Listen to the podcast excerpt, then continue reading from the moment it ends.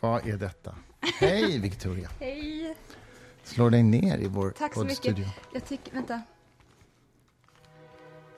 Det blir så fint här snart.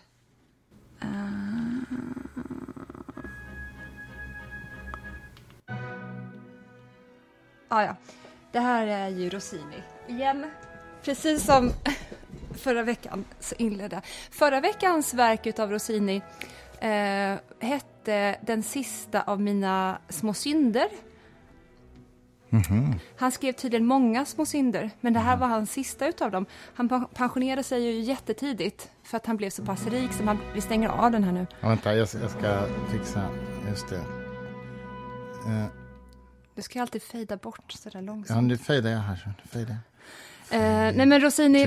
Rossini Ja. blev eh, rik jättetidigt. Han skrev en miljarder operor ungefär innan 35 års ålder, så han hade råd att pensionera sig, eh, flytta från Italien till Paris och där levde han minst sagt livets glada dagar fram till att han dog när han var i 80-årsåldern. Men när Rossini var i, i 60-årsåldern, då fick han förfrågan från någon rik greve i Italien, kan inte du bara skriva något fint sakralt till mig, snälla, snälla, snälla. Och då gjorde han faktiskt det mot såklart en jättestor summa pengar och döpte den till Den sista av mina små synder. Det är för övrigt en bra boktitel. Den sista av mina små synder. Ja, det kanske blir din eh, boktiteln på din biografi.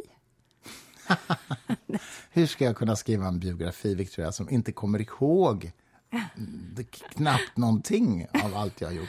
Nej, det gör du faktiskt inte. Ja, jättedåligt minne. Men den här um, engelska krönikören, vars namn jag glömt bort nu, som skrev i uh, The Spec, vad heter den? The Spectator. The Spectator, precis. Mm.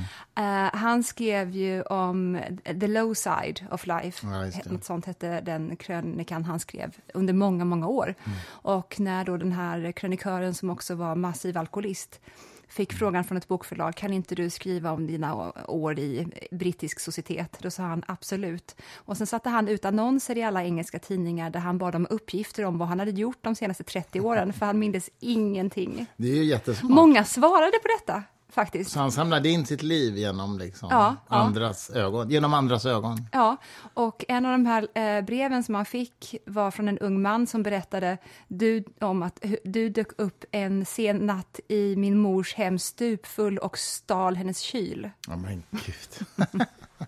men du, är det inte fascinerande, apropå Rossini som gjorde så mycket innan han var 35, alltså dessa de, gen, genier som ju nästan alltid kulminerar i, liksom, i 20-årsåldern, är inte det ganska otroligt? De gör sina storverk liksom, när de är skitunga.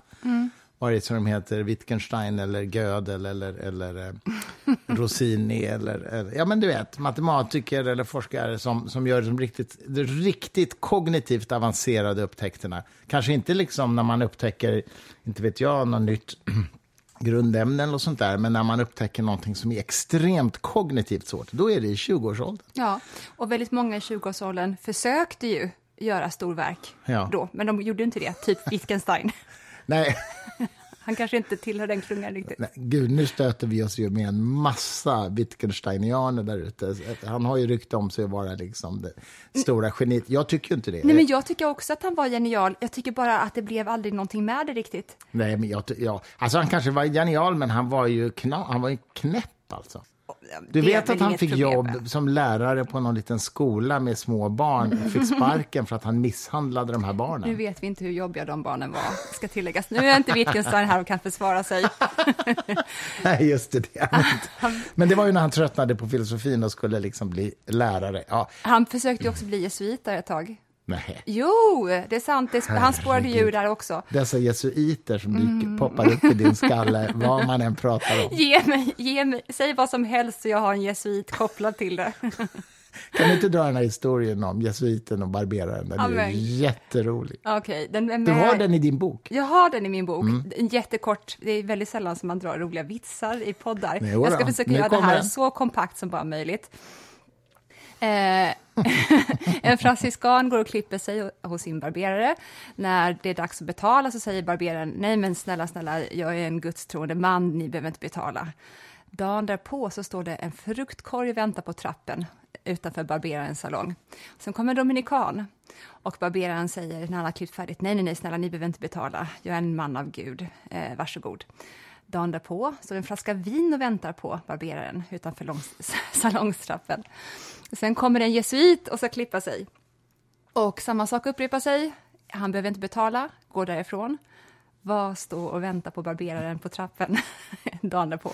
Ja, jag vet ju det, för jag har läst din bok, men du får berätta. Tio nya jesuiter. Ja, det... Och detta alltså kommer, det... den här historien har jag alltså läst, eh, det är en jesuit som har förmedlat den ja. till mig, det är alltså James Martin som är den mest eh, kanske mm, allmänt kända jesuiten där ute, mm. som har skrivit en bok som jag verkligen gillar som heter The Jesuit Guide to Almost Everything, mm. där han berättar om det jesuitiska, säger man mm. så? Jag synsättet på, på, ja, men på vardagslivet. Och där har han också jättemånga jesuitvitsar. det är ju faktiskt rätt kul. Alltså. Ja. Ja, nej, men vi, både du och jag hänger med en del jesuiter, så det är inte så att vi vill stöta oss med dem, men det är, man får faktiskt skoja. Man får skoja, absolut. Men du, eh, du har ju en liten teori om hur det kommer sig att så pass många människor försökte snedstreck eh, lyckades med att göra storverk när de var i tidiga 20-årsåldern. Well, teori, att det tror jag handlar om att vår hjärna är på topp då helt enkelt. Det sorgliga är ju att där hjärnan, när den blir äldre, sakta men säkert declines. Liksom. Okej, okay, jätteavancerad teori. Skrev alla ner den ordentligt där ute? Ska vi ta den en gång till? jag tror inte att jag har någon egen teori om detta, men tror... det tror jag är helt enkelt så det är. Sen kan man naturligtvis bli bättre i, egen, i den meningen att man kan lära sig mer med åldern och bli mer erfaren. Det dör ju inte ut. Och vis, det kanske är en annan sak också. Ja, det, det, tycker jag är en annan sak. Men just det här extremt kognitivt avancerade, som Kurt Gödel till exempel. Vi pratar ju om honom mycket, du och jag, ja, men matematikern, logikern Kurt Gödel som visar att matematiken är ofullständig. Eh, som anses vara den största bragden på 2000 år inom matematik. Den gör han ju när han är i 20-årsåldern. Liksom. Och, och den, jag tror då att det kräver sån otrolig kognitiv koncentration. Så att det, för först är det ju väldigt få hjärnor som klarar det överhuvudtaget, men de måste vara i toppskick. Och det är de i 20-årsåldern. Mm. Det tror jag är förklaringen faktiskt, mm. mm. helt ärligt. Mm. Eller Bobby Fischer som ju också var på sin höjdpunkt när han var ung. Sen blev han ju tokig förvisso, Ja, det är en precis. annan sak. Han blev tokigare. To ännu tokigare, det blev i och för sig Gödel också. Ja. Men hon, vi älskar Gödel, vi pratar om Gödel varje dag. Mm. Det är nog den personen av alla, av alla vi inte känner så är Gödel nog den mest närvarande av dem alla. Fast vi har honom porträtt, på porträtt i köket. Här vi har honom på porträtt på toan också. Ja, till och med det. Ja. Tecknat porträtt, precis. Och riktigt porträtt i köket. Ja, det är du och jag, Gödel, som morar. ja, men det är ju det. Han är vårt hushelgon. Kan inte du Om bara... vi hade haft en katt skulle vi döpa den till Gödel. Ja, verkligen. Men vi ska inte ha någon katt. Om vi skulle ha ett barn, då skulle vi döpa den till Schack, har vi sagt. Efter Jacques Brel, och eftersom vi spelar så mycket schack. Inte för att vi tar schack. det gör vi inte. Schack. Schack heter det väl åtminstone då. ja, det är svårt på småländska. ja, det är jävligt svårt. Alltså schack, ja gud, det har vi inte pratat om i podden. Vi, har ju, vi är ju så jäkla nördiga, så vi spelar minst tre partier schack om dagen. Mm. Jag vill säga till vårt försvar i alla fall att vi spelar ju alltså blixtschack, vilket innebär tre minuter var för hela partiet. Alltså för alla våra drag, tre minuter, plus två sekunder extra för varje drag vi gör. Och Det innebär ju att inget parti tar längre än ja, sju, åtta minuter liksom, som, som max, vilket gör att vi kan spela tre partier på en kvart. Inte ska spela 3000 partier om dagen. Nej, men, vi, men det är ju lite nördigt. Vi har hållit på med det här hur länge som helst. In, började inte efter Queens Gambit-serien, vill vi understryka. För då blev det plötsligt trendigt att spela kvar. Det gjorde vi innan. Men vi är så nördiga så vi har statistik på detta. Vi har ett stort Excel-ark där vi bokför precis vem som vinner och förlorar varje gång och vem som spelar vit och svart och sådär. Så vi ser eh, månadsvis eh, hur statistiken... Hur ser, hur ser maj ut, Stenmark? Du får inte fråga om maj just. Jo, det är bara maj. Kan vi inte prata om april? Nej. Nej, det ligger, alltså det ligger ju... Jag har inte kollat. Igår gick det ju bra för mig. Och just det. Men, men du, jag, jag, jag, tror att du ligger på...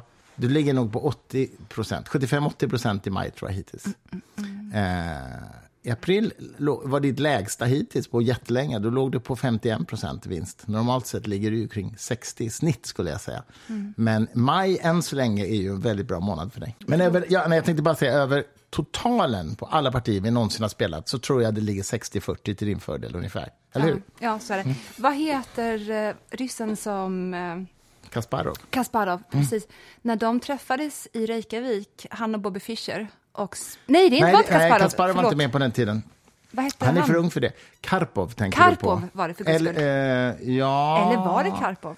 Nej, det var det nog inte. Uh, ah, strunt samma. Strunt samma. Mm. Kashnoi. Nej, Nej, jag kommer inte ihåg vem det var han spelade. Ja, men, men berätta du. När Bobby Fischer och den här ryssen återsågs i Reykjavik 30 år senare ungefär, sen mm. de senast då hade det här stora, stora världsmästerskapet där eh, USA för första gången såg, slog Sovjet. Ja. Då tyckte jag det var så gripande att eh, alla de här unga fansen som hade eh, idealiserat Fischer och den här ryssen, har du kollat den vad han heter? Ja, det var ju naturligtvis Boris Spassky, Spassky som ju var hans skull. utmanare. Ja. Sen var säkert de andra med också, inte Kasparov för han är för ung, men de andra var nog med liksom i, i, i tävlingen. Men ja. det var just världsmästartiteln. Men, men tänk dig att du var i tonåren när ja. du såg dem spela första gången i Reykjavik mm. och så kanske din schackpassion väcks. Och väcks den i någon, då tror jag att det är svårt att bli av med den. Mm. Blir du biten av schackdjävulen, då är mm. du körd sen, faktiskt. Ja, det går inte att komma loss från det. Man blir du, besatt. Det blev du i alla fall. Ja, det kan man säga. Eh, och sen så blir det då att man utvecklas under årens gång samtidigt som Bobby Fischer och Spassky blir äldre och äldre. Och sen då händer det här enormt vackra att de ska ses igen 30 år senare. Och då kanske man då som fan själv är i 40-årsåldern. Mm. Och sen så ser man då de här två männen dyka upp på scenen och då har de liksom blivit farbröder. Och så märker man, så som det också var, att de spelar schack stilmässigt som är 30 år förlegat. Ja, nej, men så, det måste, det Mitt hjärta hade lite grann gått sönder av det. Det är, som, ja. det är både vackert och så hemskt. Att man, man ser dem som de här gudarna som ska få mötas igen och så märker man att oj, de kommer från en annan tid och allt har utvecklats. Ja, men så är det ju. Inte till deras fördel, kan man säga. Nej. Schacket är ju... Um är ju satt i ständig utveckling, inte minst med hjälp av de här, eh, inte, inte schackprogrammen faktiskt, utan schackdatabaserna.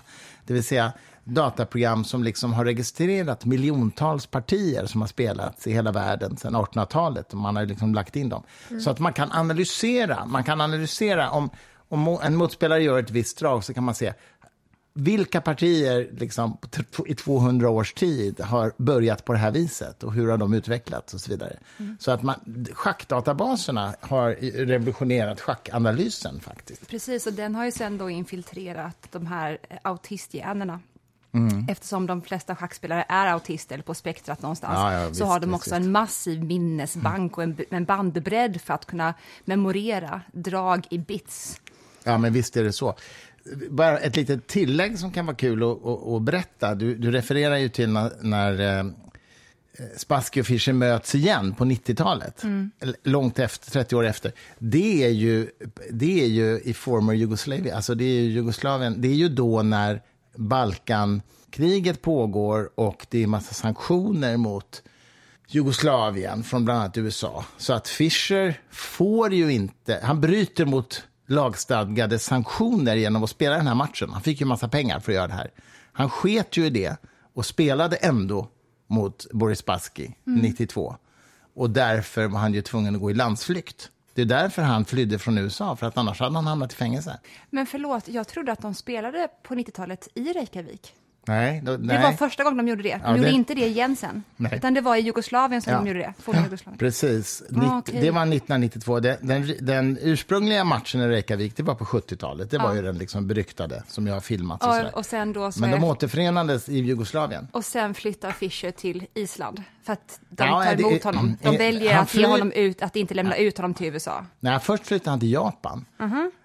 Eh, saken är den att innan han gör den här återföreningen 92, då har han ju levt någonstans i underground. Ingen visste riktigt var han var. Det gick rykten om att han bodde i Budapest och gick i parkerna och spelade med sig själv och sånt där. Mm. På 80-talet. Det kan ju vara falska eller sanna rykten. Men sen så dök han liksom upp för att han fick så mycket pengar för att spela mot Spassky 92 i en match som var förbjuden. Mm. För att han var amerikansk medborgare och skulle följa sanktionsbestämmelserna på grund av kriget. Ja. Och då flydde han till Japan. Så han hängde i Japan ett tag, jag vet inte hur länge. Och eh, de lämnade inte ut honom till USA, men sen sökte han asyl på Island. Och, och, fick asyl. Ja. Så det var där han levde och dog sina sista år. Om jag inte minns helt fel så var det till och med så att Island höjde handen och vinkade och sa ja, men du kan få säkert. komma hit. Ja, för att de hade säkert. den här relationen till honom från 70-talet. Mm. Vet du hur gammal han var när han dog? Eh, ja, 63. Nej. 64. Hur många rutor finns det 64. 64. Och han så. dog när han var 64 lika många rutor som på schackbrädet. Mm. Lika många år som rutor. Mm, jag har googlat på det här någon gång och då var det några månader ifrån 64 minns jag. Han var 63 på väg mot 64. Never Men det kanske... check a good story. Nej, förlåt. Men apropå att ta emot eh, galningar som borde lämnas ut. Mm. När Margaret Thatcher tog emot Pinochet Ja, just det. Kommer de ihåg? Kompisar. Ja, de var verkligen kompisar. Det var Reagan, Pinochet och Thatcher. Mm. Och eh, då tar hon emot honom i i London, kom, vet vad hon säger när de skakar hand då? Nej. Så klappar hon honom och säger hon my dear old friend. Mm. och då har det liksom varit ett massivt folkmord som fortfarande pågår. Man ah, liksom okay. fängslar oliktänkande och ja, Sverige har ju verkligen eh, en, en otrolig relation till Chile eftersom så ja. många chilenare kom hit då. Ja, vi, den... vi, hade ju en ambassadör, nu har jag glömt vad han hette, men som ju räddade en massa chilenare verkligen. Ja. Som vi har fått massa hederspris. Mm. Ska man vara petig så var det ju inte folkmord, för att eh, det var inte en speciell folkgrupp. Det är ett sånt där eh, Nej, skyddat begrepp, höll jag på att säga, som har massa juridiska implikationer. Men han mördade ju vara. Det, vilket behöver ha för att man ska, ja, ja, folkmord ska... Men, men jag förstår vad du menar. Han dödade ju mm, oliktänkande helt enkelt. Det är lätt att tro att folkmord är en term man använder när det är många som har dött. Ja, alltså är det ju inte riktigt. Men det är verkligen Nej, inte det. Det har ju en speciell juridisk status och och FN är också skyldig, tror jag, ingripa på olika sätt om eh, någonting klassas som folkmord, vilket är lite speciellt. Mm. Jag kan verkligen inte det här. Jag vet bara att det är någonting. Det är därför man är jävligt försiktig med det mm. begreppet. Mm. Mm.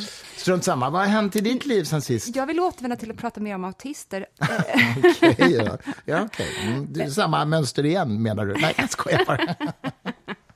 Nej, men, Eh, innan jag vill att du berättar om en bok som ni har släppt nyss på Fri Tanke, som mm. heter, vad heter den? Kodknäckarna? Mm. Den heter Mönstersökare. Okej okay då. Innan du berättar lite kort om den, ja. eh, så, så kommer jag ju osökt att tänka på Stig Larssons bok Autisterna. Har du läst den? Stig Larsson? Mm. Alltså inte Millennium-Stig? Millennium-Stig skrev inte autisterna. Nej. Okay. Det var den andra Stig. Den andra Stig Larsson. Som han, det var hans stora, stora kritiker och publika Jaha. genombrott. Nej, det hade jag ingen aning om. Mm -hmm. Du vet, jag kan ju inte skönlitteratur. Det är, ditt, det är din baby. Berätta, vad är det för någon bok? Uh, jag har inte läst den heller, helt ärligt. jag ville bara använda det här som en brygga för att berätta kort min Stig Larsson-historia. Ja, låt höra. okay. jag, tog, jag tog en en kurs i, i Sankt Eugenia, katolska kyrkan, som handlade om mystikerna. Mm. Och där var Stig Larsson med också. Mm. Och då så skulle man, eh, vilket är lite mardrömslikt tycker jag, sitta och fika Eh, Vilka mystiker handlade kursen om till att börja med? Um, de, de, stora jättarna i djungeln, eller vad man ska kalla det för, det var ju Johannes av Korset, Teresa av Avila, Teresa av Lisieux, eh, bland annat. Mm, okay. mm. Mm, eh, och då skulle man sitta och fika lite grann mellan de här, kurs, kursen var uppdelad, och då i något nervöst tilltag, eftersom jag oftast har lite svårt för att kallprata, så drog jag en rolig historia om en sköldpadda för de som satt och fikade. Nu minns inte jag den. Det hade varit jättekul ifall jag drog min andra vits i podden idag, men jag, jag minns inte den. Nej, okay. eh, men folk skrattade och att allt, allt gick bra. Alla utom Stig, för Stig skrattade inte. Jag minns det här mycket väl. Däremot var det så att under alla andra kurstillfällen så kom han fram till mig efteråt och frågade hur, hur min sköldpadda mådde. De första gångerna så sa jag nej men det var bara det var en historia, det var bara en rolig historia. Han fattar inte. Och sen så typ efter den sjunde gången så sa jag så här, men den mår bra. den, ja, vad gör den? Frågan. Ja, men den äter tänkte jag, vad äter de? Blad? Ett blad. Men du hade ingen sköldpadda? Aldrig haft en sköldpadda. Nej, tack och lov. Jaså? Eller? Kanske De är så jävla långsamma. Ja, men det, ja. ja, det gillar inte Nej, du. nej, nej, fart och fläkt ska det vara. Ja, fart och du fläkt skulle ha någon så här rabiesdrabbad, något sånt som bara yr runt här inne. Rabiessmittad hund. Ja, det skulle passa dig i temperament. Voff, skulle jag bara säga. Tillbaks till det här. Men bok, du ville veta någonting om boken? Ja, precis. Jag vill att du också berättar vem som har skrivit den, för att det är lite kul. Simon Baron Cohen, Mm. eh, en av världens främsta forskare på Asperger och autismspektrat. Han är för övrigt kusin med Sasha Baron Cohen också. Sa du fel förnamn på honom nu? Simon heter, Ja, Simon, det var bara att forskaren, okej, inte lyssnar. Förlåt. men eh, brittisk eh, forskare. Och, eh, nej, men det är otroligt fascinerande. Han, han forskar på autismspektrat och, och de här olika särbegåvningarna som uppstår eh, på, hos en del av dem, inte hos alla såklart. Men, och han menar ju att i princip så är det ju så att den vetenskapliga metoden och vetenskapens utveckling eh, är ju otroligt beroende av de här människorna. Jag menar, Einstein var på Asperger-spektrat, Alan Turing var det. Wittgenstein garanterat. Edison var det. Carl von Linné verkar som att han, var, det. Mm. verkligen det säkert. Eh, Sortera allt, namnge allt. Ja, men exakt. Och, eh, nej, men det är otroligt fascinerande och det, det finns ju såna här underbara historier om den här pojken, en, en, en brittisk pojke som kan eh, flyga över en stad, eh, eller liksom en stadsdel och så teckna av i princip varenda ruta rätt på det han ser. Eller, eller vad heter han, Temmet tror jag han heter, som kan eh, 20 000 decimaler på pi. Mm. han kan rabbla upp 20 000 decimaler på pi. Och det roliga är att han inte ens, han säger själv att det är inte så att jag har memorerat dem, utan jag ser dem i ett landskap av berg och dalar och färger. Jag ser vilka siffror det är, och så jag, så jag, kan, jag berättar det. Liksom. Han har ju gjort vissa tester för att visa att han verkligen kan det här. Och Det tar ju ett antal timmar att räkna upp 20 000 decimaler. Så han slutar ju liksom när han är helt exhausted. Men han berättar då att det inte är så att han har memorerat, det har han ju i någon mening förstås, men han, han upplever inte så. Utan han ser det, han läser av ett landskap. Eller också har han inte det om man är matematisk platonist och faktiskt tror att de finns där, de där siffrorna, på riktigt, där ute. Vilket du är! Ja. Det här är ju the moment när Christer kommer ut som matematisk platonist inför allmänheten. Han har smusslat om det länge, han har nämnt det på middagar med jesuiter bland annat. Och nu är the big reveal here. Älskling, Jag kommer ut i garderoben. berätta. Nej, men alltså, jag, jag, tror att vi, jag tror att vi upptäcker matematiken, vi uppfinner den inte. Ja, det tror jag. Jag ty, tycker att matematiken har en liksom e, egen existentiell, eh, förlåt, egen ontologisk existens. Den, den finns, så att säga, i någon mening. Naturligtvis inte fysiskt, och det har ingenting med någon gud eller något sånt att göra, tror jag inte. Men den, den existerar i en slags transcendental verklighet. Och om Eller det inte, transcendent och, och om det inte fanns några människor överhuvudtaget, då skulle den fortfarande finnas. Ja, den skulle finnas i den meningen att den kan inte vara på något annat sätt. Alltså ett primtal är som det är i, i hela universum. Det kan inte vara på något annat sätt för någon annan alien. Däremot är det klart att om det inte finns några levande varelser så är det ingen som tänker på primtal, så att säga. Och då blir det som skogen och trädet. Ja, men lite så. Men, men alltså... Men, men det är fortfarande så att, och det är ju därför som du också verkligen tror på att det finns en sanning. Mm. Därför att sanningen existerar oavsett ifall någon... eh, Precis, sanningen är oberoende av vad folk tror om saken. Ja, precis, eller ens uppfattar den, eller upptäcker den. Ja, absolut. Det, ja, men precis. Ja. Själva begreppet sanning, är, jag tycker det är skitviktigt att man har klart för sig att det är ett objektivt sanningsbegrepp. Alltså när man talar om empiriska frågor. Det, det hjälper inte att hur många människor som tror någonting. Det blir inte sannare för det, så att säga. Sanningen är oberoende av vad man tror om saken. Och jag tycker det är så extremt provocerande när människor säger att Åh, det där är så kallsinnigt och dogmatiskt att säga att, det, att sanningen är objektiv. Jag tycker att det är tvärtom. Det är en förutsättning för att kunna ha fel att sanningen är objektiv. Om sanningen inte var objektiv så kan man ju aldrig ha fel. Då kan man bara säga så här, ja men det här är sant för mig. Kanske inte sant för dig, men jag har rätt för jag, det är min sanning. Ja, Det är och, i vissa frågor, arrogant. och i vissa frågor kanske man kan säga så. Ja, i vissa frågor. Men nu måste den här på- låten är- tycker jag är bra, till exempel. Det är ju subjektivt. Ja, precis. För, och det är sant för mig att den är bra. Mm. Ja, ja, och någon absolut. kan säga då Ja, att den är jättedålig. Så man ju. måste ju snarare kategorisera upp då empi, det empiriska och vad skulle du kalla det andra för då?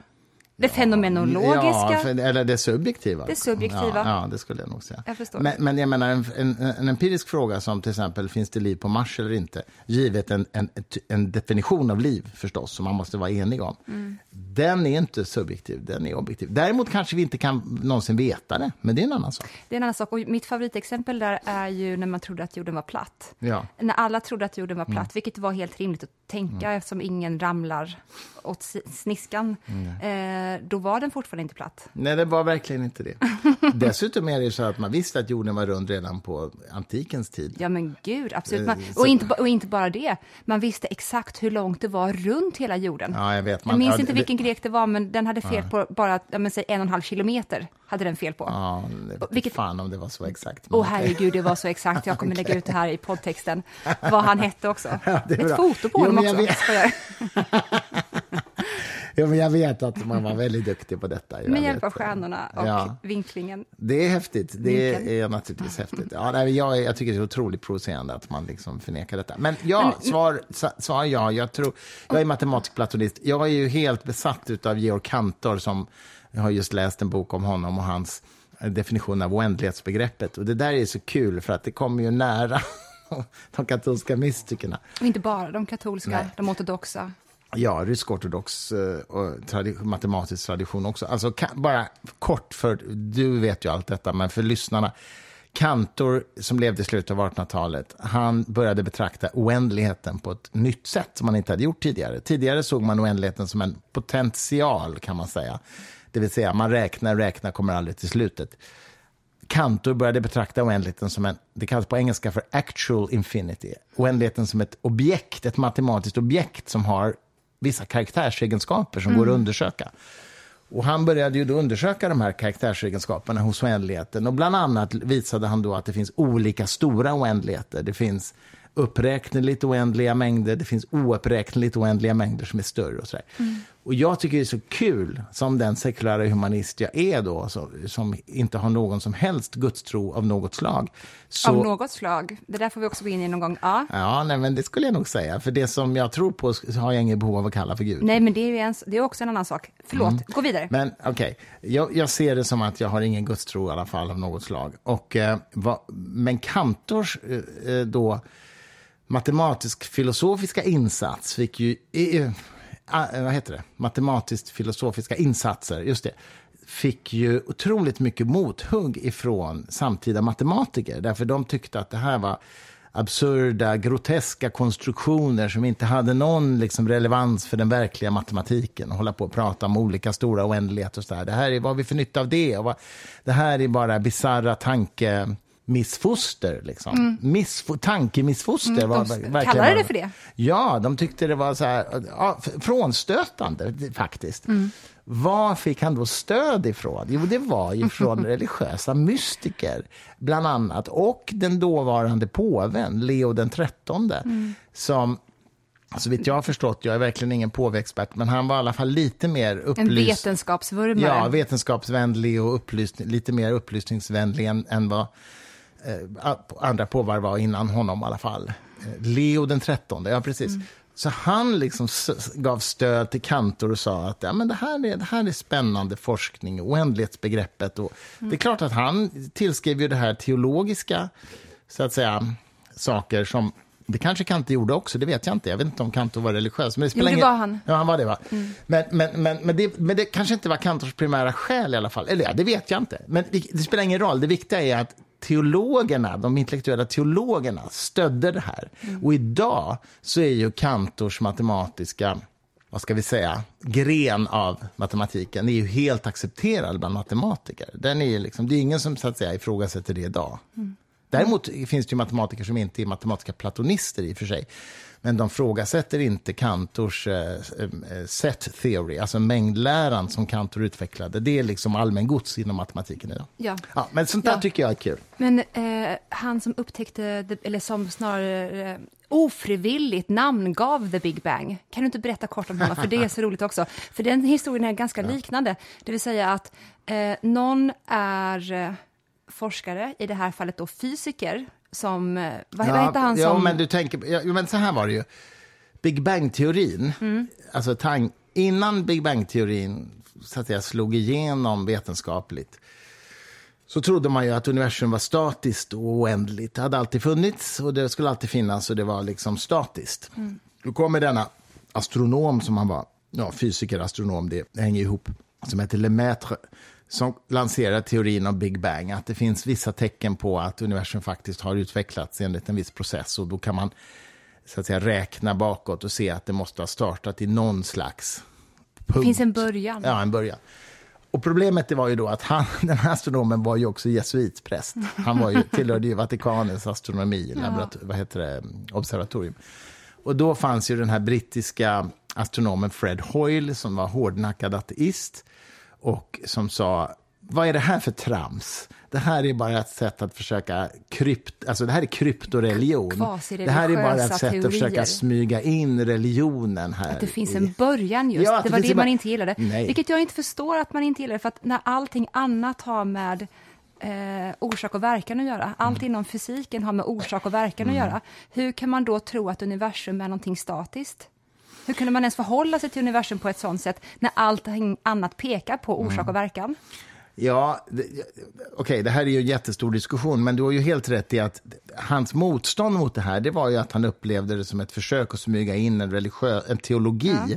i astronomin. Och eh, Fred Hoyle eh, han avfärdade Big Bang-teorin till, fram till sin död. Han accepterade den aldrig. Och det roliga är att det är han som... Jävla tjurig. Ja, jävligt tjurig. Och det roliga är att han, det är han som har myntat begreppet Big Bang. Mm. Um, Lemaitre kallade det inte det. Han var, uh, Fred Hoyle var intervjuad i en radioprogram på BBC och där han liksom raljerade över den här löjliga Big Bang Theory. Liksom. Det var ju löjligt. Vadå Big Bang? Ska det bara smälla till? Och så, sådär, va?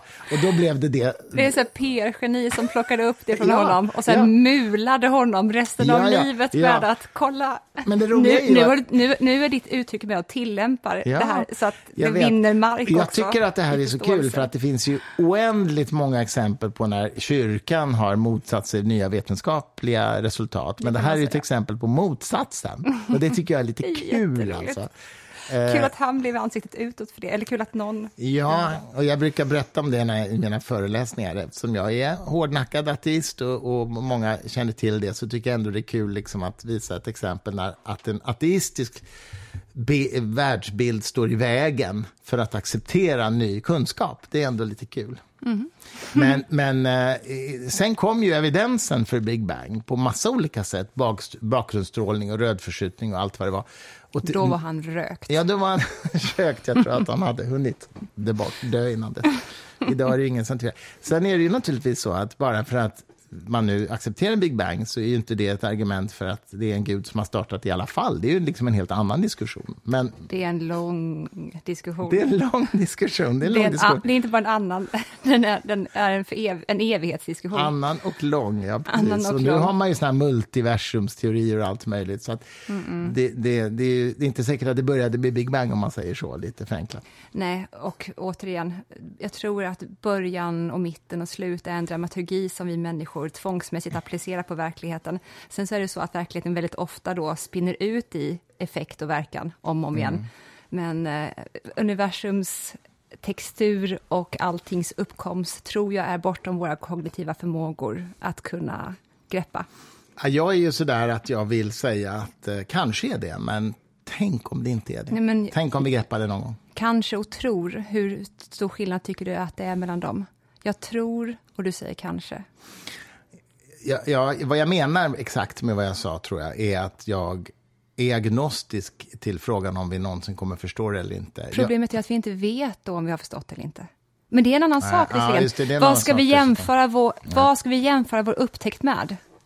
Vi kan aldrig veta om vi vet allt som finns att veta. Nej. Det kan vi aldrig göra. Nej. Men, men om man säger så här, eh, det finns ju ändå två lägen man kan skilja på. Det ena är det är fullständigt obegripligt hur universum började.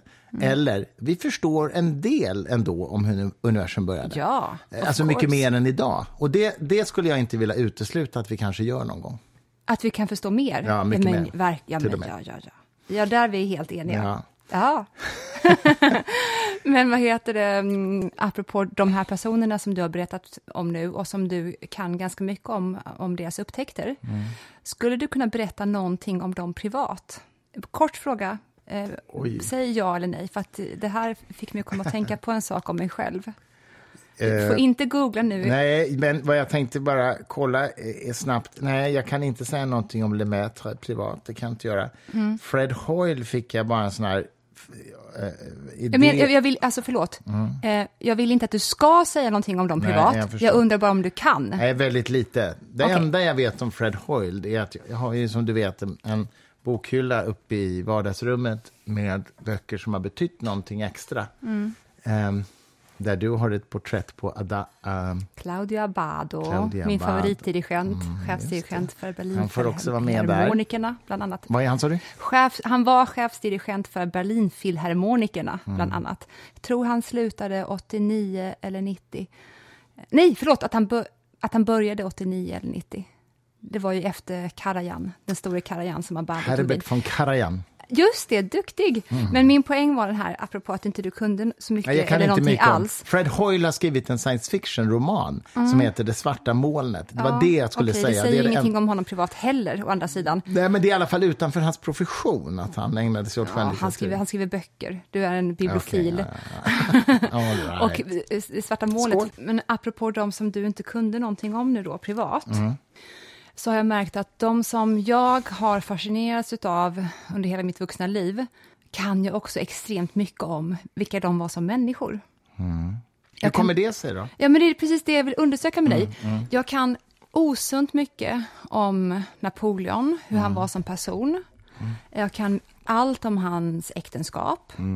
Mm. Eh, jag kan liksom nästan redogöra för hans själsliga tillstånd i någon sån här diagramutvecklingskurva, hur han mådde under de olika åren.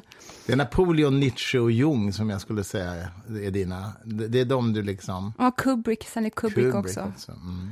Mm, mycket män där. Jag kan ju en hel del om kvinnor också, men jag har inte en teori om att... Kan man lita på det? Nej, det kan man inte. Men den uppdrag, granskningsknackningen, hoppas jag dröjer. Mm, mm. Att någon trycker upp mig, Janne Josefsson trycker upp mig mot en vägg och säger vilka intellektuella förebilder har du som är kvinnor egentligen? Den dagen, den sorgen. Mm. Men, men det har också en del av min, eh, med min teori att göra, att jag är en heterosexuell kvinna. Mm. Och eh, jag har ju alltid känt nästan en lätt förälskelse vid de eh, männen mm. som jag också har märkt har hjälpt mig tänka expansivt. Mm. Och, mm. och hade jag umgåtts mycket med Nietzsche eller med Jung eller med Kubrick, då hade jag ju börjat avsky dem som människor efter åtta veckor kanske.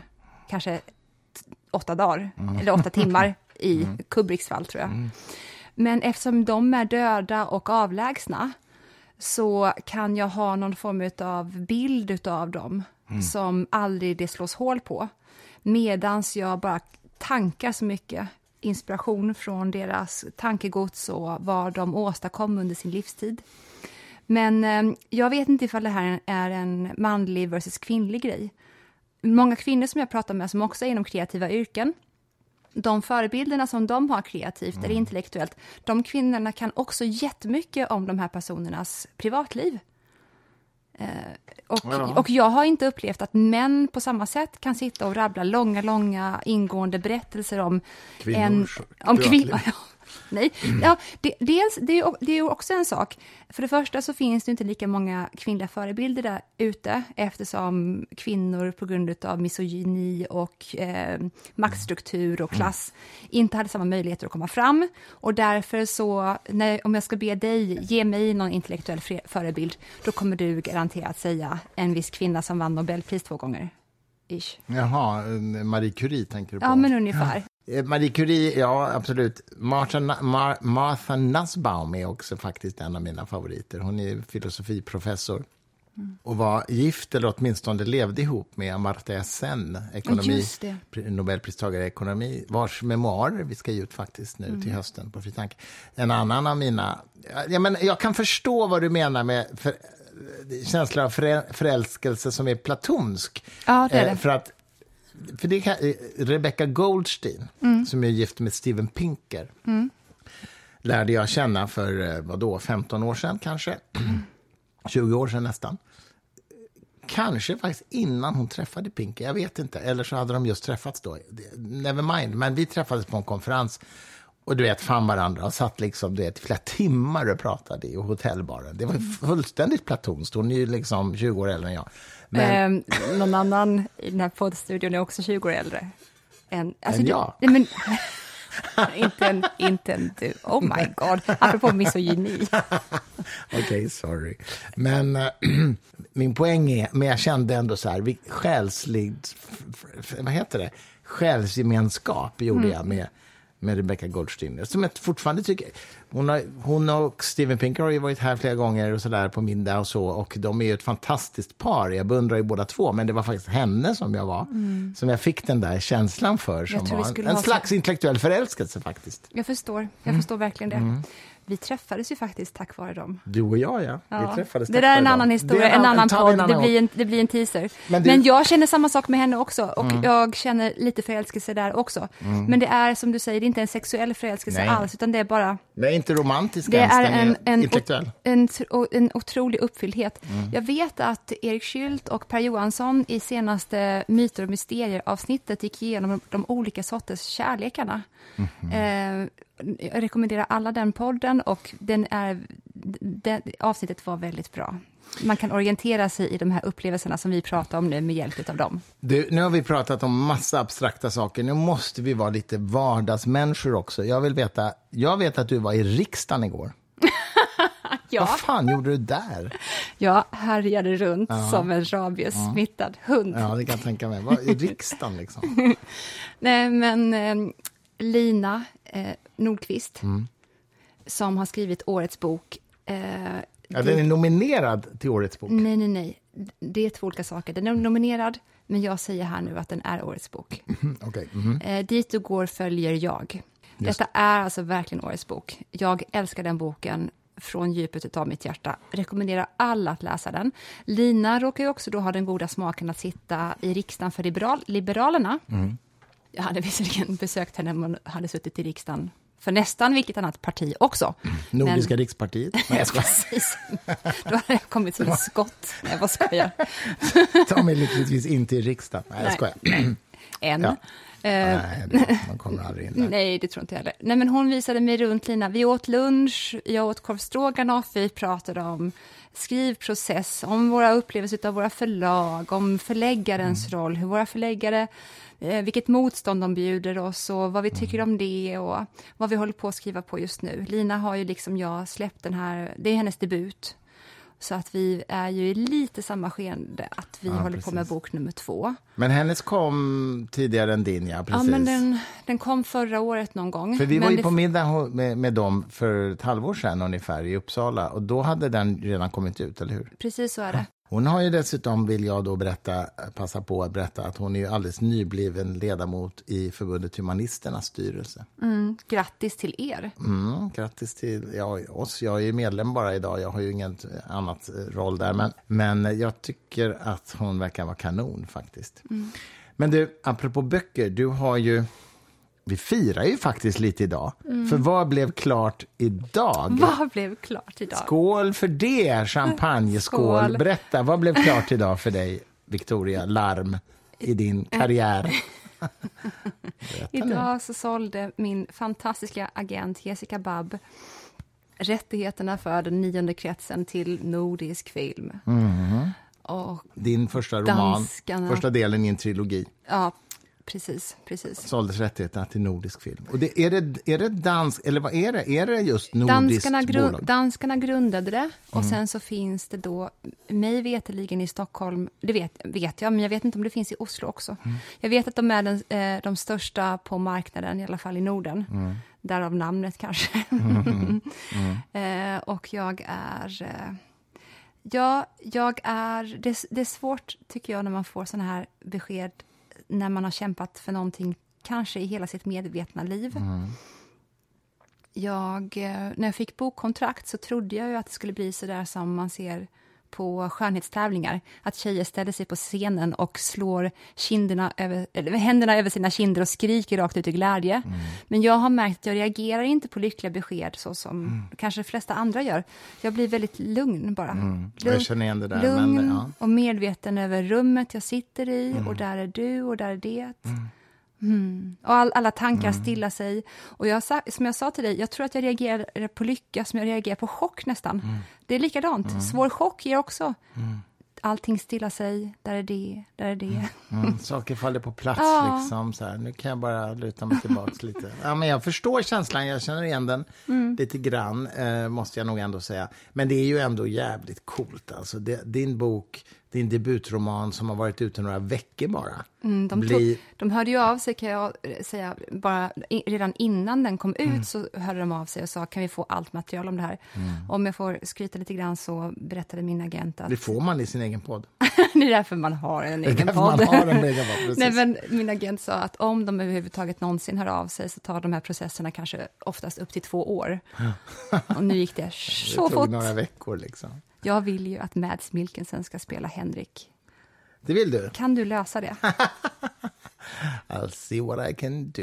Nej, men det är ju... Det, men du har ju lovat bort en roll till Stellan Skarsgård också. Jag har sagt att han har rollen som Johan Seigel ja, paxad till sig. Mm.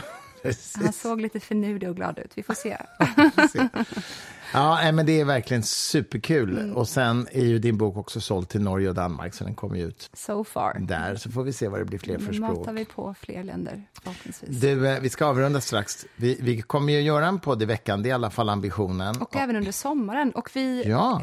älskar er, vill vi säga. Ja, alla men ni som det är lyssnar. Och skriv gärna till oss. Skriv på alla sociala medier som ni vet mm. att vi finns på. Ja. Betygsätt oss gärna på iTunes. Ja, och vi hoppas Eller Spotify finns vi också Spotify, på. Just det. Vi hoppas ju vara den här stora dammsugaren i sommar när många andra tar sommarlov, att vi kan då vara de som är de enda ni har helt enkelt. Så att ni är utelämnade med oss. För vi har ju rätt mycket roliga grejer på gång. Vi kan bara säga som ett teaser att vi kommer ju nu i, i maj åka till London eh, och England. Vi kommer vara med på en litteraturfestival där. Då ska jag prata om min bok. Mm. Och sen ska åka vi på, till Men Julian, Julian Barnes kommer vara där, Benedict Cumberbatch. Ja, precis. Vad är det för namn? Vem heter Benedict Cumberbatch? Ja, är, Vad är det frågan om? Som spelade Alan Turing, som är en av mina intellektuella idoler ja. faktiskt. Ja, alltså, precis. Som jag, liksom, sen jag var tonåring. Faktiskt. Och han spelar också Patrick Melrose i min favoritförfattare eh, Edward St. Aubyn's ja. böcker om sin uppväxt.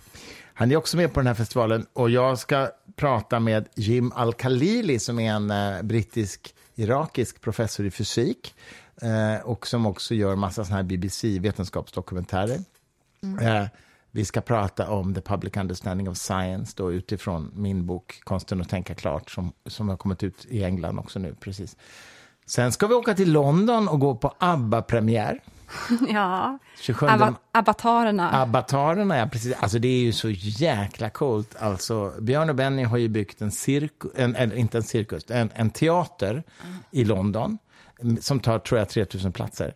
Och på denna teater så kommer man alltså ha ABBA-konserter med riktiga musiker, men där de fyra abborna är virtuella liksom, hologram, eller vad man ska kalla det, virtual reality, avatarer. Mm.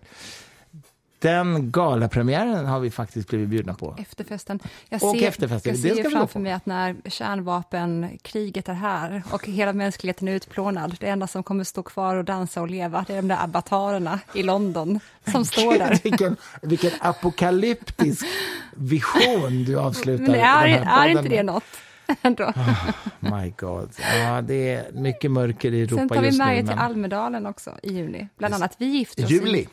Okej, okay, vi gifter oss i juni, vi åker till Almedalen i juli. Mm, det är precis. bra att du håller koll på oss. precis. Ja, men så är det. Så är det. Vi förlovade oss ju vid Raukarna på Fårö, ja. så vi har ju någon slags koppling till Fårö där, eller till Gotland menar jag. Du friade där. Jag trodde precis. aldrig att jag skulle bli friad till. Så gick det. Vid, vid Raukarna. Har vi berättat när vi satt vid Raukarna? Det måste vi ändå berätta, det är ändå lite kul. Vi satt vid Raukarna, du och jag, med vårt medhavda reseschack och spelade då blixtschack. Och så kom en gammal man förbi promenerandes längs den här steniga viraukarna längs vattnet. Och när han ser oss spela schack där så säger han, det är jag som är döden. Säger Kommer du ihåg det? Ja, tänk om det var det. Tänk om det var Det kanske var Men alltså, det är döden. nog det mest fyndiga jag kan tänka mig att någon kommer på. Det var ju en helt okänd person som bara var ute på promenad, ser oss och gör kopplingen till sjunde inseglet. Ja. Och, alltså, jag tycker det var så fruktansvärt fyndigt. Det var väldigt. Det läskiga skulle vara ifall man kunde följa honom och att han gick vidare och att någon familj kanske sitter och äter picknick. Då säger han det igen. Och det är liksom hans go-to-replik. Det är jag Då- som är då- döden. då det är bara att vi, fyndigt. vi råkade stämma in i den perfekt med vårt schack. Nej, men du sabbar en fantastisk Men förlåt, en bild. tvångsmässig grej jag har, att jag måste alltid pilla på allting som ser så bra ut. Jag tycker det är en vacker bild eh, och en väldigt rolig bild. ju- Jag har ju en oerhört stark kärlek till Fårö eh, och eh, dit ska vi åka igen i sommar. Mm, Då är vi redan då är vi gifta. Nästa gång vi sitter vid, vid Raukan och spelar schack. Ja. Ehm, men vi återkommer, vi kommer berätta om alla dessa saker. Vi kommer berätta om, om, om abbatarerna och litteraturfestivaler och bröllop Alltihopa. och Almedalen och allting. Det finns flera poddar framöver. Ta väl hand om er, vi hörs om en vecka. Skål, Victoria. Skål, skål älskling. Tack för idag. Tack för idag.